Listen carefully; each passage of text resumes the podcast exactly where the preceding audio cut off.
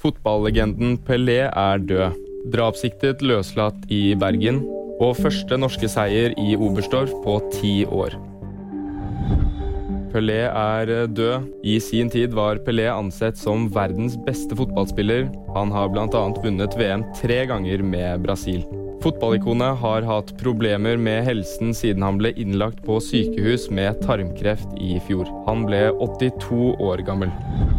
Mannen som var siktet for medvirkning til drap i Bergen på onsdag, løslates i dag.